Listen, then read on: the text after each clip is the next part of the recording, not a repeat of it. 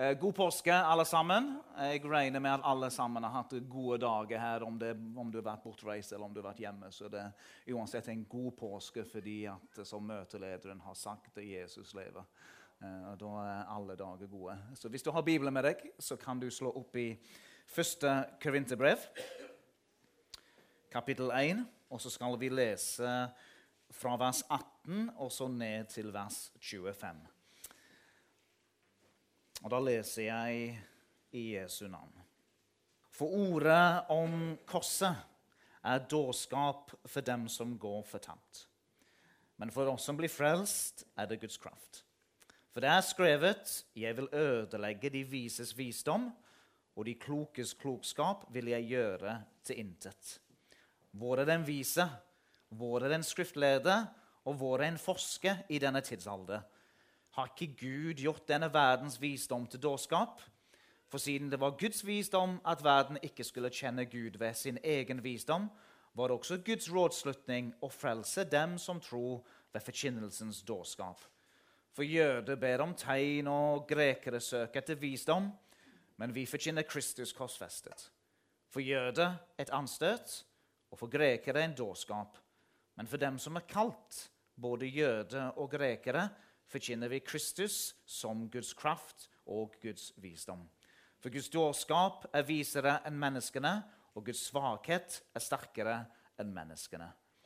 Fader, vi takker deg for ditt levende ord. Vi takker deg for ordet ditt som er lys, som åpenbarer for oss hvem du er, Gud, og hva du tenker, tenker som herliggjør Kristus for oss. Og vi ber deg om at ditt lys skal stråle over ditt ord, gode Hellige Ånd, at du kan herliggjøre Kristus for oss mens vi samles rundt ditt ord. Vi ber deg, Hellige Ånd, at du skal berøre våre hjerter, at du kan åpne våre øyne, at vi skal kjenne som er med oss vandrende, at det brant ikke i våre hjerter. At vi kan også kjenne på det, eh, denne samlingen, denne gudstjenesten her på Nabø, at vi opplever at du ved Den hellige ånd berører ditt ord, salver ditt ord, slik at det taler inn i vårt liv, og at det viser oss enda tydeligere Kristus korsfestet. Vi takker deg, og vi priser deg, og vi ærer deg. Vi takker deg, Jesus, for at du lever, for at du er oppstanden, for at du har beseiret døden, djevelen og synden.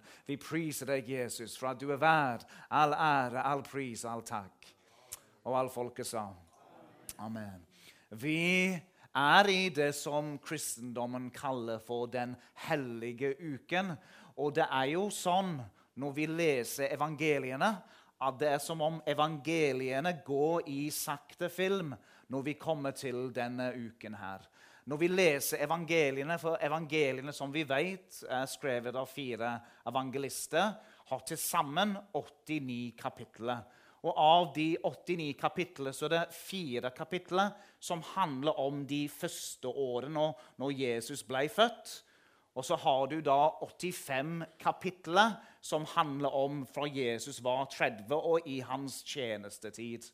Og av de 85 så er 27 av de kapitlene de handler om denne uken som vi feirer akkurat nå.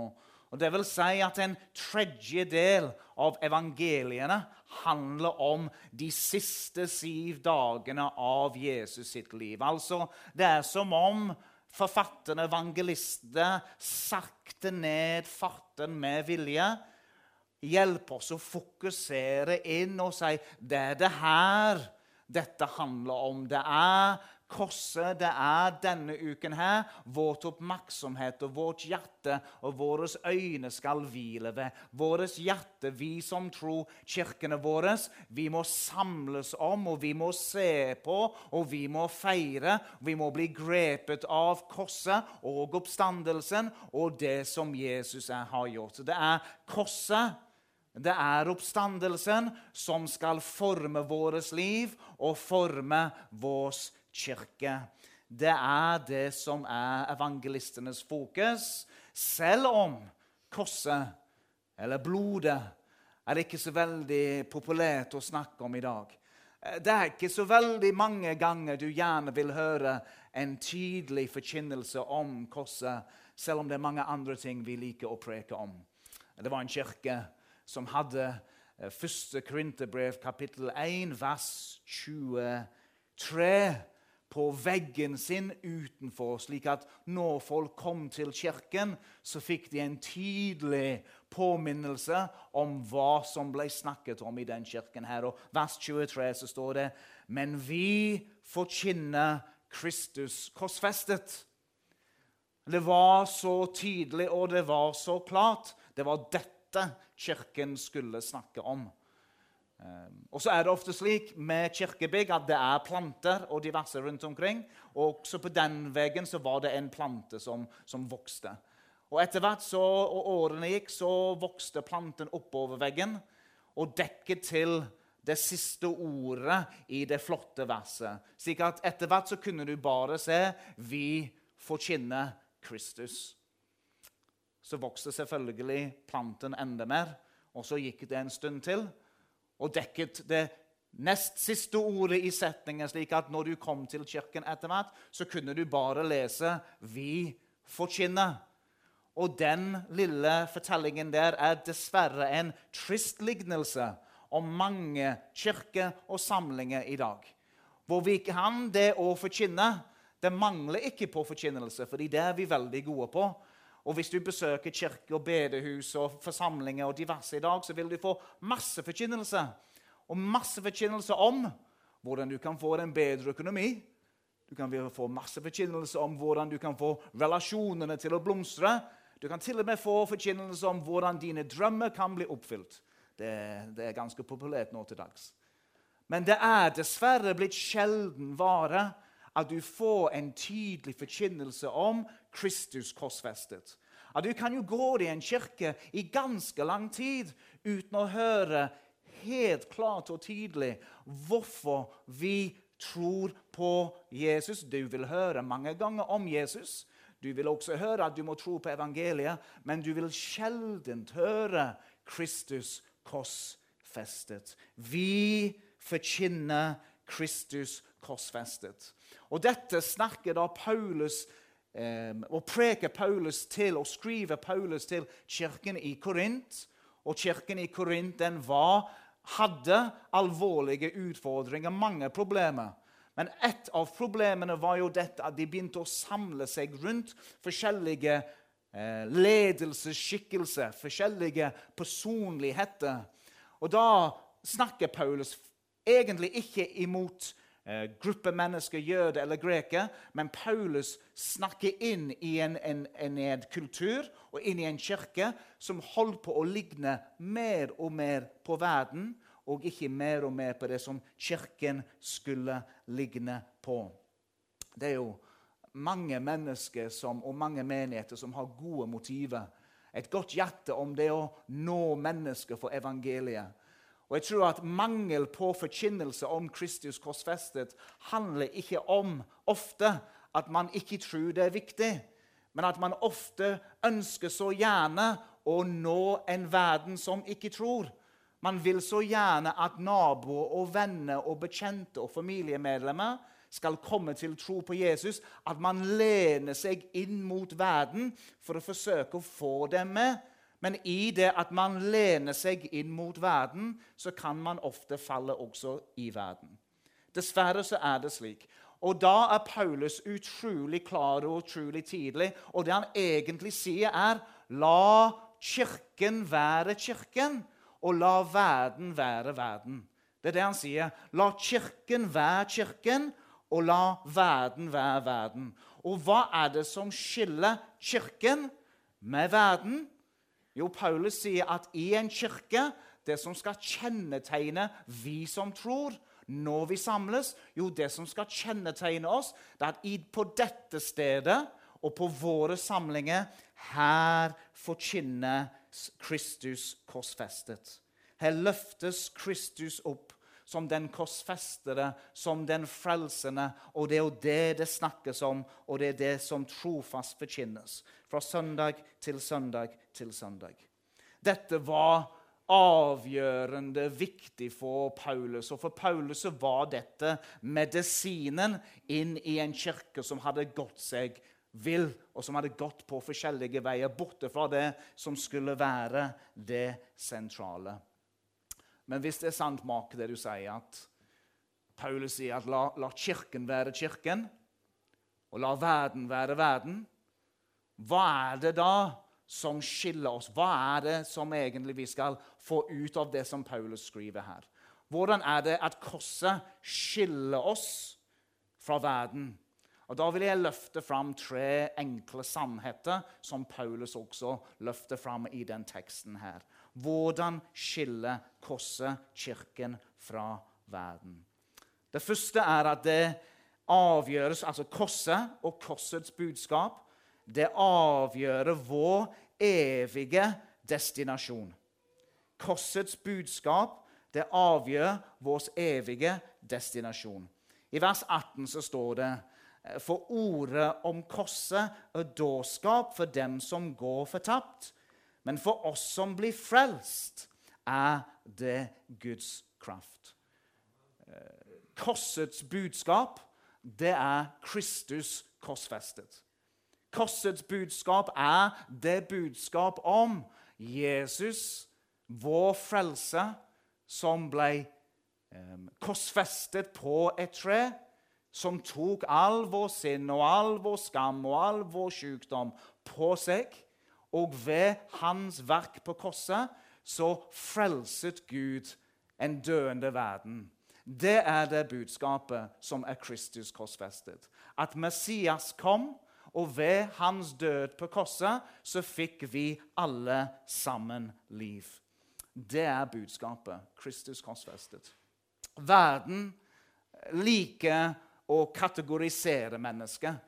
Verden i seg sjøl er jo ofte slik, og vi lever i denne verden. det gjør vi. Sant? Og Når vi kategoriserer, så kategoriserer vi etter kjønn, menn og kvinner. Og så er det andre kategorier også etter hvert. Det kategoriseres etter utdannelse. Ofte så kan du finne bokstaver bak menneskets navn som forteller deg hvor de har havnet i det akademiske verden. Man kan kategorisere etter økonomi og velstand. Det fins mange måter denne verden kategoriserer mennesker på. Men når Gud skal kategorisere, så bruker ikke Gud de type kategoriene. Når Gud kategoriserer, så bruker Gud evighetsbegrep for å kategorisere hvem vi er, og hvor vi er på vei henne. Altså, Gud bruker enten frelst eller fortapt.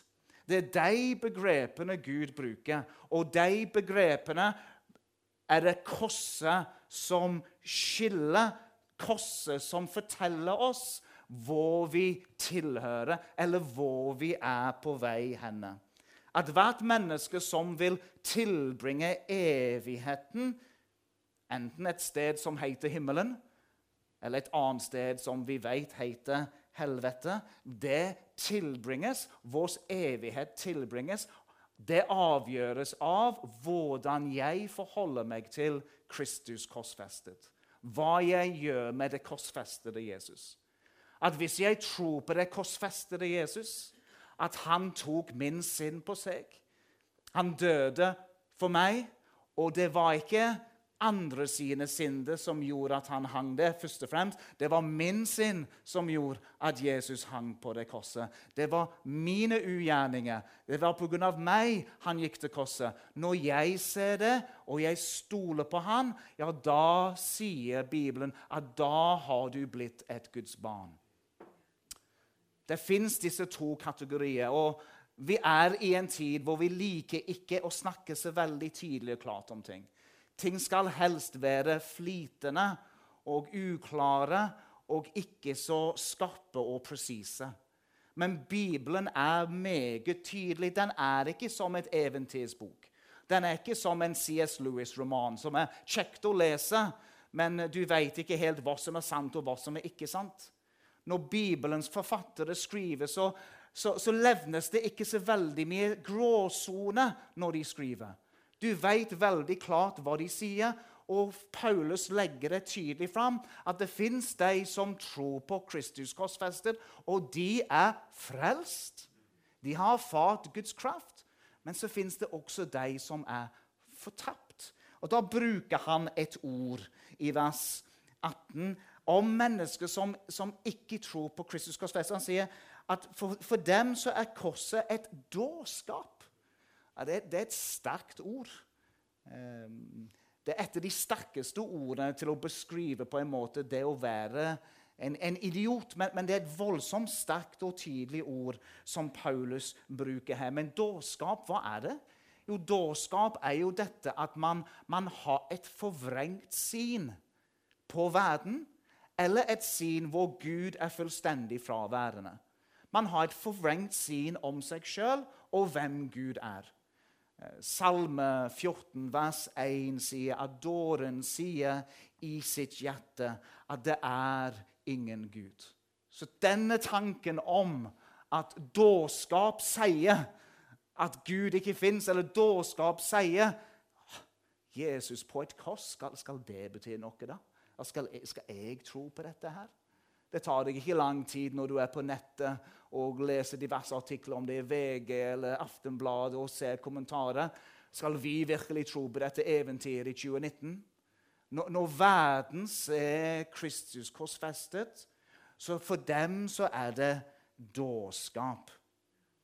Johannes 3 og vers 18 sier den som tror på ham, blir ikke dømt. Men den som ikke tror, er allerede dømt. Men så sier han om dem som tror, at evangeliet for dem som tror, korset for dem som tror, for oss som blir frelst, er det Guds kraft. Det syns jeg er et nydelig ord, altså. For oss som tror, så er evangeliet en Guds kraft. Ikke at det inneholder Guds kraft, og ikke at det sier noe om Guds kraft, eller har en teori om Guds kraft, eller peker mot en Guds kraft. Men evangeliet, korsets budskap, er Guds kraft. Og jeg lurer på om det er noen her som har erfart akkurat det som Paulus beskriver her. For det har jeg. Jeg har erfart at det fins en ufaring av Guds kraft. Det er Guds kraft at i det øyeblikk jeg trodde på hva Jesus gjorde for meg på korset, så erfarte jeg at de ordene, fortellingen, sannheten om hva Jesus har gjort for min sinn, det forvandlet mitt hjerte. Jeg fikk et nytt hjerte, og jeg fikk nye lengsler, og jeg erfarte en glede som var ubeskrivelig. Peter sier dette. En usigelig glede. Eh, en, en, en, vill glede. Og det var jo sånn når jeg kom til tro på Jesus. Det, det, det var som å bli nyforelsket med Red Bull, eh, Red Bull, Red Bull. Altså, det var veldige greier. Ikke sant? Du, du vet ikke hva jeg snakker om. Sant? Og Det er jo dette Paulus sier. Paulus sier at korsets forkynnelse, korsets budskap, det er Guds kraft. Og for deg som tror, så er det ikke en, en Guds kraft som varer en liten stund. At du må stadig få påfyll. Du vet ikke om det holder helt, eller om det rekker, liksom. sant? Det var jo ofte sånn eh, eh no, no, vi, vi, har jo eh, ganske aktivt ungdomsarbeid. og det er, det er, ikke måte på hvor mange ganger noen av disse ungdommene blir frelst. Det, det, det, noen av dem blitt frelst nærmere 25 ganger. De, de vet ikke her, er de frelst, er de ikke frelst. ikke sant? Men, men sannheten er dette. At når du tror på ham, så blir du et Guds barn. Og da er du frelst. Og Jesus sier noe. Hvor er dette henne? Jesus sier i Johannes 10, 28-30, eh, så snakker man om, Faderen, som er, som er stor. Han snakker om de som Faderen har gitt til ham. Og så sier han ingen skal ta dem ut av hans hånd. Og det, det sier noe om, om Guds kraft som ligger i evangeliet. At det holder, at det bærer helt igjennom. At du kan stole på det verk som Kristus har gjort i ditt liv. At du er et Guds barn. Det var nesten en halleluja. Det Det var en amen. Kan jeg få en høyning? Var, kan jeg få en sånn uh, halleluja? Halleluja her, ja. Jeg må jo minne min menighet iblant om at vi er jo fortsatt pinsevenner. Eh, så det, det, det, er lov å si både halleluja og amen. Og til og med løfte hendene hvis du kjenner for det. Nå vet jeg jeg er på nabo, så vi er, det, vi, vi er, godt plantet. ikke sant? Det, det er bondevett her, det vet jeg. Amen. Men evangeliet, korsets budskap, det er Guds kraft.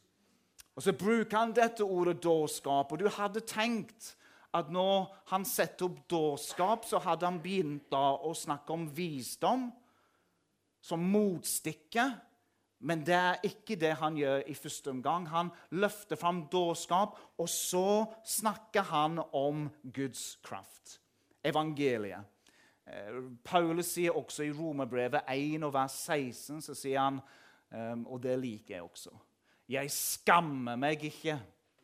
Og Når du leser det verset, så må du legge av deg, for jeg er jo egentlig litt sånn in, in, introvert. er ikke det det heter? Jeg trives veldig godt i mitt eget selskap og veldig glad i bøker. og har liksom ikke behov for med folk hele tiden. Jeg, liker og kan være litt sånn forsiktig av meg, foruten at jeg, jeg er bak en talerstol. Men, ikke sant? Men når du leser akkurat det verset som Paulus skriver det, da tror jeg at du må lese det med en litt sånn frimodig stemme.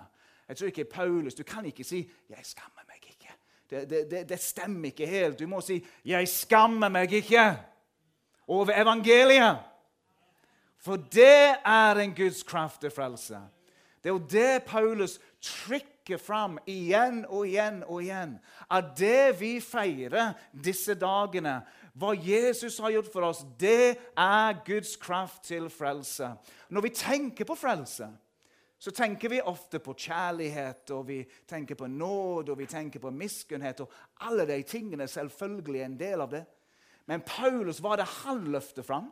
Jo, han løfter fram at påskens budskap er et kraftsbudskap at påskens budskap er et budskap som, som, har Guds kraft i seg til å forvandle et menneskes hjerte, til å kalle deg opp igjen fra det døde, for å gi deg et nytt liv.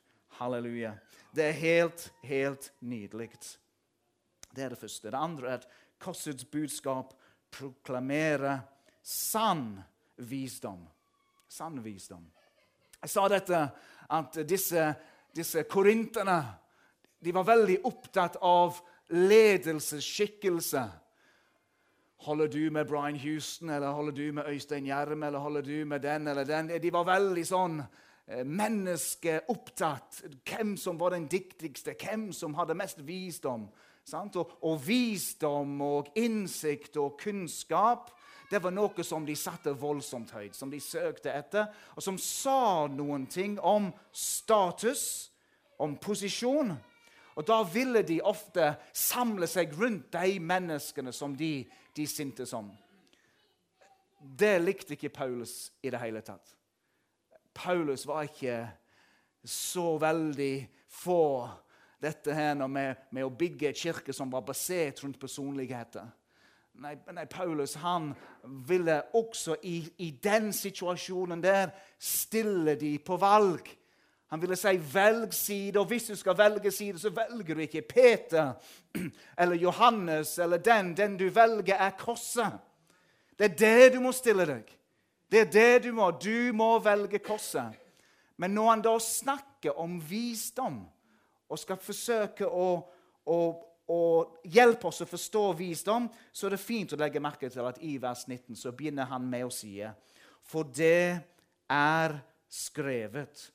Ehm, og det er fordi at ehm, En liten sånn underpunkt på dette med at korsets budskap proklamerer sann visdom, er at Gud ødelegger menneskelig visdom. Det er det vi leser i den teksten. her. Gud ødelegger menneskelig visdom. Ehm, men han begynner med å si det er skrevet. At nå Paulus skal få fram hva som er sann visdom vi må huske at Paulus var en skarp fyr. Han kunne debattere med de beste. Han var vellærd, en dyktig mann. Men når han skal løfte fram hva er vist, hva er sant, så går han til Skriften. Han går til Bibelen. Og det han egentlig sier, er at sann visdom, og visdom som har kraften i seg til å få verdens visdom til å bøye seg, det er i Guds ord. Skal du finne sann visdom, skal du finne Guds visdom, så fins Guds visdom i Guds ord. Og når du søker Guds ord, så finner du Guds visdom. Det er skrevet. I 2. Timoteus 3, 16 og 17 så sier Paulus også det, at all Skriften er innåndet av Gud. Og så sier han at for Guds mennesker så er det nyttig til all god gjerning. Det står litt mer, men, men poenget er dette at, at Bibelen i seg sjøl er nok til å istandsette og utruste den som tror. At Savner du noe, kjenner du mangel etter noe, behøver du noe Jeg hører ofte at mennesker sier at jeg, jeg sliter med å høre Gud. Jeg vet ikke hva Gud vil med mitt liv. Jeg forstår ikke hva Gud vil si til meg. Da sier jeg til dem veldig enkelt, varmt Bare åpne Bibelen, du. Fordi at Gud taler gjennom sitt ord. Når du åpner Bibelen, når du leser Bibelen, så vil Gud tale til deg. Bibelen er Guds visdom åpenbart til oss. Og Bibelen er nok. Det og derfor også Paulus, når han skal forlate denne jorden, når han skriver 2. Timoteus brev, noe av det siste som han sier til Timoteus, som det viktigste han kan holde på med, så sier han 'forkynn ordet'. Det er det han sier. Ikke gå mye på hjemmebesøk, selv om det er koselig, det. Det er litt farlig for oss pastorer å få kakestikke alle plasser, men det, vi må passe litt på det. Eh, det er mange ting som vi tenker han kunne ha løftet fram for å bygge en menighet, men han sier dette er viktig. Timoteus, du må forkynne ordet. Eh, I Det gamle testamentet, Isaiah 29, vers 14, så er det en militær krise hvor de israelske militære er under trykk, og de skal til krig, og de vet ikke helt hvordan de skal løse det. Og Da forsøker de å inngå en allianse med Egypt, slik at de ikke blir knust sjøl. Og da snakker Gud til de israelske ledere og sier til dem at dere trenger ikke gå i allianse med andre for å løse problemet. Fordi at jeg er en Gud som har omsorg for deg. Og har du fiender, så vil jeg knuse dine fiender. Sånn enkelt sagt. Har du fiender, så trenger du ikke være redd, for jeg er en Gud som bryr meg om deg, og jeg vil ta tak i de fiendene som angriper deg. Og Han sier, 'Ikke stol på menneskelig visdom'. Det er det egentlig han sier.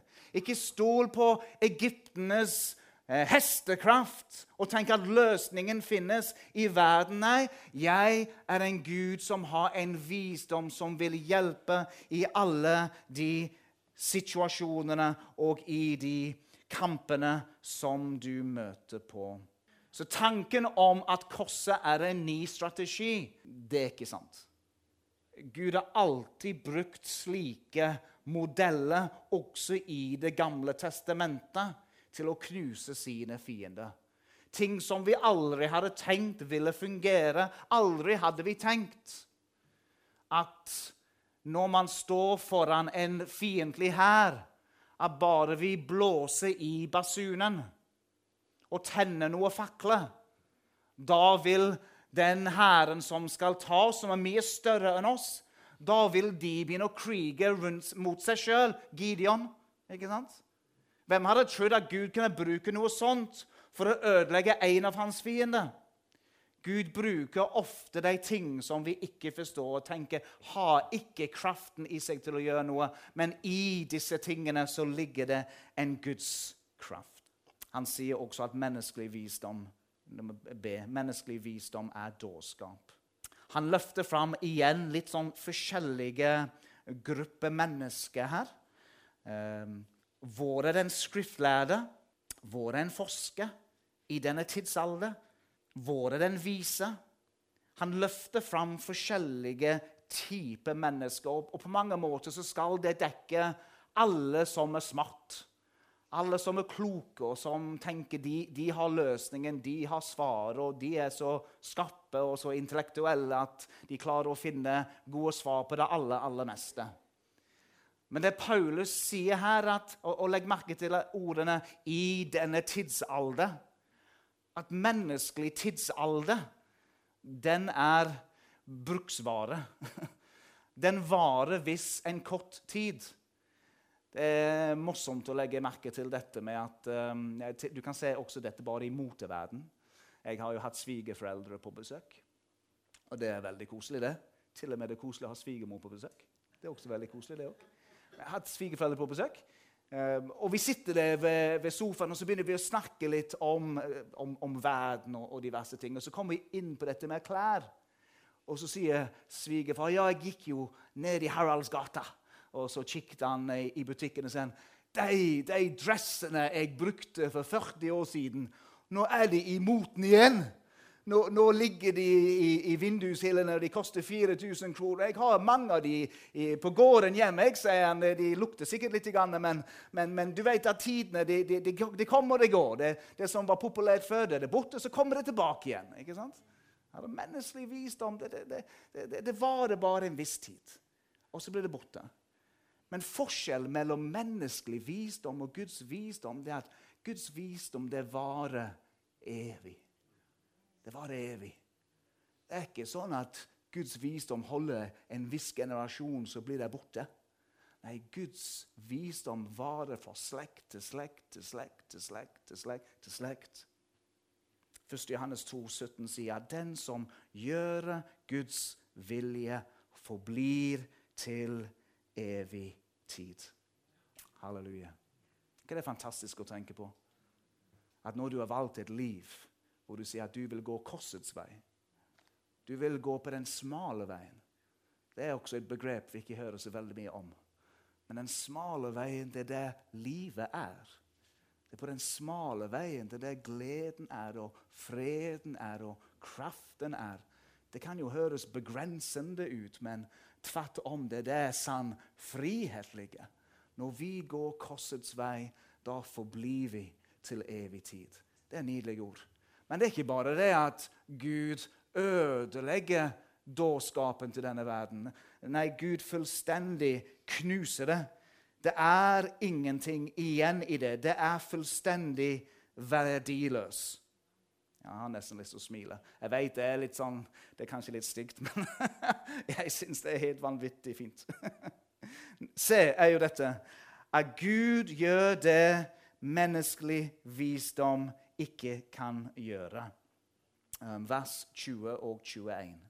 Hvor er den vise, hvor er den skriftleder, hvor er en forsker i denne tidsalder? har ikke Gud gjort denne visdom til dårskap. For siden det var Guds visdom at verden ikke skulle kjenne Gud ved sin egen visdom, var det også Guds rådslutning å frelse dem som tror ved forkynnelsens dårskap. Det er bare en poengtering fra Paulus som sier at dine mastergrader og din intellekt og alt det du har studert, og alt det du kan, hjelper deg ikke en centimeter nærmere Gud. Det er ikke der troen kommer fra. Menneskelig visdom er ikke veien å gå hvis vi ønsker å lære Gud å kjenne. Jesus sier noe i Matteus 11, 25 og 26. Og igjen så er det nydelige ord. Jesus sier at på den tid tok Jesus til orde og sa, 'Jeg takker deg, Far, himmelens og jordens Herre, at du har skjult dette for vise og kloke og åpenbart det for de små.' Ja, far, for slik var det behagelig for deg. Det er underlig å tenke på at måten Gud ønsker å frelse en døende verden på, det er gjennom forkynnelse av korset. Det er utrolig å tenke på. For det er ikke tvil om at veldig mange av oss hadde, hvis vi skulle satt oss ned og lagt et komité Og det tror jeg du kan også se i ganske mange kirker òg. Hvordan skal vi forsøke å nå Nærbø? Hvordan skal vi få Jæren med oss? ikke sant? Og Da setter vi oss ned, og ja, det, kanskje vi kan få inn en hel haug med klovner. Kanskje det, det er klovnestrategien som er veien. Kanskje, det, eh, kanskje, en kino. Kanskje vi kan bygge Jærens største kino, og så kan vi ha litt reklame om Jesus her og der. Og, og det er ikke noe feil med kreativitet. Det, det, er fint, og det er vel, og det er bra, det. Men det er ikke tvil om at Gud sjøl har sagt at det fins en vei. Og denne veien er gjennom å forkynne Kristus korsfestet. Å forkynne Kristus korsfestet, det er veien til å vinne en døende verden. Forkynnelsens dårskap. Ikke at det vi forkynner, er dårskap, selv om noen kan synes det iblant. Men forkynnelsens dårskap er jo at vi, vi stadig snakker om en Kristus som har blitt korsfestet. At vi stadig, nesten som om det er på repeat Nesten som om det er liksom Kan ikke du, kan ikke du komme deg litt videre snart? Kan ikke du gi oss litt dype sannheter, litt, litt, litt, litt uh, svære greier, litt ting som de snakker om i, i, i den plassen eller den plassen? Nei, men jeg, jeg, skal bare holde meg til Kristus korsfestet. Jeg tror at Hvis du prøvde å få Paulus med på et eller annet svevende opplegg, så tror jeg han hadde kunne vært ganske streng om Paulus. Han kunne vært ganske tydelig. Han sier nei, når jeg kom til dere, så kom jeg til dere skjelvende. Og jeg kom ikke med visdomstale. Jeg kom ikke med store planer, med heftige greier. Jeg forsøkte ikke å legge tilliten min til det jeg kunne få til av, av talekunst. Nei, når jeg kom til dere, så forkynte jeg Kristus korsfestet. Og når jeg forkynte Kristus korsfestet, så var det som om Kristus var malt for øynene deres. For jeg ville ikke at deres tillit skal være bygget på meg og mine talegaver. Nei, vår tillit, hvor skal det bygges? Hvor er vår tillit? Jo, vår tillit, den er i Kristus og hva Kristus har gjort for oss. Ja, far, for slik var det velbehagelig for deg, sa Jesus. Det sier noe om at det, Guds, det har vært Guds hensikt, og det har vært Guds plan. Alltid å virke slik og arbeide slik. At det var velbehagelig for Gud. At det lå i Guds hjerte, og det var Guds plan. Og at det var gjennom forkynnelse at mennesket skal få høre om Jesus, den korsfestede, og komme til tro på ham. Det tredje og det siste er at korsets budskap den skal definere kristen tjeneste. Eller med andre ord så mener jeg det at korset og korsets budskap og hva Jesus har gjort for oss, det skal forme vårt liv og våre menigheter. Det skal snakkes om og prises og løftes fram og leves ut. Hva Jesus har gjort for oss, og hva Jesus gjorde på korset, det er der vi skal være, og det er det vi skal proklamere. Det er det vi skal synge om, det er det vi skal lufte opp. Vi skal stadig løfte fram hva Jesus Kristus gjorde for oss på et tre utenfor, i utkanten av Jerusalem for litt over 2000 år siden. For det er der Guds kraft ligger.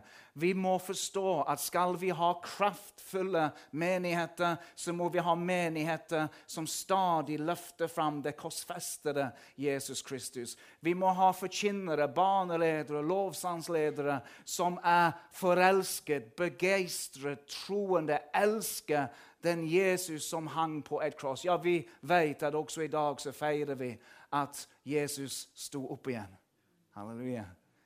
Men han sto opp igjen en bekreftelse på det offeret han ga, at det var behagelig for Gud. Og når Paulus kommer til Korintmenigheten, så kunne han selvfølgelig ha snakket om oppstandelse, men han sier det, det, det, det er korset. Det er korset vi må snakke om. Fordi det er ved korset det er der syndene tilgis. Det er der forbannelsen knuses. Det er der seieren vinnes. Det er der Jesus sier 'det er fullbrakt'. Og der hvor korset løftes opp, altså hva Jesus har gjort for oss, og der, der, der er Guds ånd. For Den hellige ånd trives der hvor Jesus løftes opp. Den hellige ånd elsker å være der hvor hva Jesus har gjort for oss, og det offeret Jesus ga for oss. At det stadig snakkes om og proklameres og frimodig legges ut. Det er da vårt oppdrag i 2019. At det preger vårt hjem, og det preger vårt ekteskap og det preger vår kirke. Og det er vårt oppdrag igjen å være på det sted hvor også vi sjøl har sagt Jesus, jeg takker deg for at du ga ditt liv, liv, liv for meg på korset. Jeg takker deg, Jesus, for at ditt offer det var for min sinn, det var for min skyld, det var for mitt liv. Og spørsmålet er alltid det samme. Som Paulus stilte til dem, så stiller også Paulus det samme spørsmålet til oss. Og nå vet jeg at nesten alle her sikkert har allerede sagt at jeg tror på det korsfestede Jesus. Det, det, det, er, det er jeg sikker på. Men allikevel, om ikke du har gjort det, så er det det samme spørsmål som Paulus stiller alle vi som er her. Hva gjør du med korset? Har du din tillit til korset? Og hva Jesus gjorde for deg? At den dagen du står innenfor Gud Fader, innenfor tronen, og du skal avgi regnskap for ditt liv, så kan du ikke ja, ja, jeg var trofast søndagsskolelærer i 25 år, Jesus. Hva du syns om det? Jeg spilte piano, og, og, det var vel bra, det. Nei, Vi vet alle sammen at når vi står innenfor Faderen, så står vi ikke der med hva vi har gjort, og våre gjerninger. Nei, vi kommer tomhendt. Jesus, jeg kommer med ingenting. Jeg stoler kun på ditt verk. Jeg stoler på hva du har gjort for meg, Jesus. Det er ditt blod, ikke mitt blod. Det er din svette, ikke mitt svette. Det er, det du, det er ditt verk, Jesus. Der er min tillit. Der er min trøst. Og jeg og deg, vi kan ikke pushe noen nærmere Jesus. Du har noen i din familie kanskje som ikke tror. Kanskje du har naboer som ikke tror. Men du kan ikke pushe dem inn i Guds rike. For Gud har bestemt at det er gjennom korsets forkynnelse, om det er gjennom at du snakker med dem over en kaffekopp, eller om det er i ei kirke, det er ikke poenget. Men det er nå korsets budskap om hva Jesus har gjort, forkynnes. Da, da skjer det noe. Og hva er det som skjer? Jo, når du snakker om Jesus og om korset, det som skjer, er Guds ånd tar tak i korsets budskap. Og for den som hører det er som om når du er foreldre og du har barn sant? Og Jeg husker dette sjøl som barn. At når mor og far ropte når man sov, så det første du hørte, det var ikke navnet. Sant? Du hørte bare en lyd. Ah, ah, ah. Du hørte bare en lyd. Og så Og så hørte du 'Mak'. 'Mak, må du stå opp. Kom ned, det er skole snart.' Sant? Oi, og, og, så hører du røsten, du hører ditt navn, og så står du opp. Slik er det når Kristus korsfestet forkynnes. Når Kristus forkynnes, korsfestet forkynnes, for den som ikke tror Du vet dette, for du har opplevd dette sjøl. Du er død i dine synder. Men plutselig, mens du lytter, så er det som om en lyd. Og til det første så, så, så skjønner du ikke helt hva det er. Men etter hvert så forstår du. Det er Jesus som kaller på deg fordi han kjenner ditt navn. Han sier, 'Odd, våkn opp.' Som han gjorde med den lille jenta i evangeliet, som han gjorde med Lasarus ved graven. Lasarus kom fram. Han så ditt navn, han kjenner ditt navn. Han kjenner deg, og han sier, nå, nå, nå er det deg. Kom fram. Og i det øyeblikk du hørte hans røst og sier ja til Jesus, da fikk du et nytt hjerte. Og du erfarte den kraften som fins i et korsfestet Kristus i evangeliet. Amen. Amen. Skal vi be sammen? Fader, vi takker deg, og vi priser deg, og vi ærer deg. Vi takker deg for uh, evangeliet, som er en Guds kraft til frelse. Jeg priser deg for at det har jeg opplevd i mitt eget liv. Du sier at den som tror på deg, dem ga du rett til å bli Guds barn. Og din kraft den er ikke en halvveis kraft, men den er, den er full, og den er hel, og den holder. Jeg takker deg for det verk som du har gjort i enkeltmenneskers liv her. Jeg takker deg for alle de som sier 'Jeg har funnet min tilflukt hos deg'. 'Jeg har funnet min, mitt håp hos Jesus'. Halleluja, Herre. Jeg bare priser ditt navn, Jesus. Takker deg for korset. Takker deg, Jesus, for at ved korset så beseiret du djevelen. Alle hans onde her. Og du vant en evig seier. En full, hel seier. Ingenting skal legges til. Ikke våre hjerne, ikke tilleggsverk, ikke nye bevegelser. Nei, ditt verk holder helt inn. Halleluja, Jesus. Vi priser deg. Vi takker deg for frelsens glede. Og jeg ber Helligånd at du igjen åpner våre indre øyne, slik at vi ser Kristus korsfestet. Se hva du gjorde for den enkelte Jesus. Se at du som er, er, er, verdens lam, du tok verdens synd på deg. Guds lam. Du tok synden på deg. Og ved ditt blod har vi fått tilgivelse for syndene, som gjør oss hvitere enn snø. Vi har fått en ny identitet, hvor vi er nå i Jesus Kristus. Jeg priser deg, og jeg takker deg, gode Hellige Ånd. Øk frelsens glede. Øk den freden som du gir ved Den hellige ånd. Takk for at du er utøst Faderens kjærlighet i våre hjerter ved Den hellige ånd. Ære deg, og vi priser deg. I Jesu navn vi ber. Amen.